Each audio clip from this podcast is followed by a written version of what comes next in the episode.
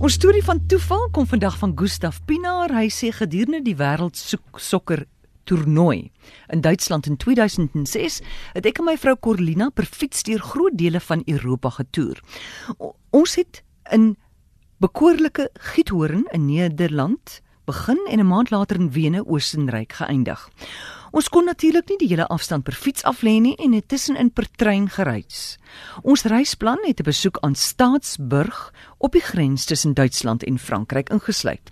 Ons was bespreek om 2 aande op 'n plaas ongeveer 20 km buite die groot Franse stad deur te bring. Dit was onmoontlik om vir elke lappie aarde waar ons sou ry 'n kaart te bekom en het dus maar oral op die plaaslike bevolking staat gemaak om vir ons rigting te gee maar nie in Straatsburg nie. So kom ons op 'n vrek warm Saterdagmiddag per trein in daai groot Franse stad aan.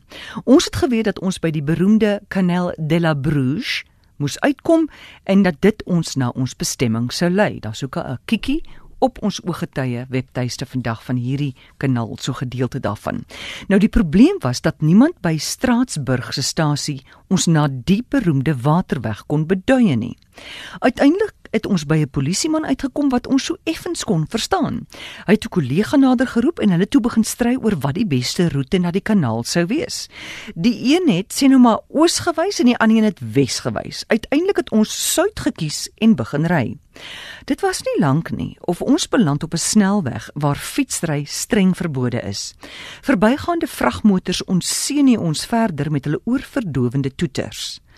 Vervaard neem ek wat voorgery het die eerste afdraaipad na links en kort voor lank beland ons in 'n stil woonbuurt. Steeds wis ons nie waar die kanaal is nie. Heeltemal oorstuur ry ons op 'n sypaadjie aan die regterkant van die pad. Skielik doem 'n swart sedan agter ons op. Die bestuurder beduie deur sy oop venster na iets aan die agterkant van my fiets. Ek kyk, maar gewaar niks vreemd nie. Die man probeer ons ooreed om stil te hou en dit maak ons eers benoud. Die swart motor versnel skielik en ry op die sypaadjie voor ons op en sny ons af. Ek begin soos 'n riet te bewe. Gaan ons nou hier helder oordag beroof word? Die bestuurder spring egter uit en skreeu: "Come and listen, come, listen!" En hy beduie na sy motor se radio.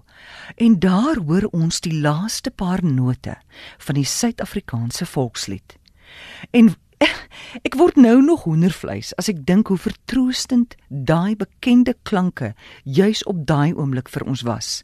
Dit blyk toe dat daar oor die betrokke radiostasie 'n program was van die volksliedere van die verskillende lande wat aan die wêreldsokkerbeker toernooi in Duitsland deelgeneem het.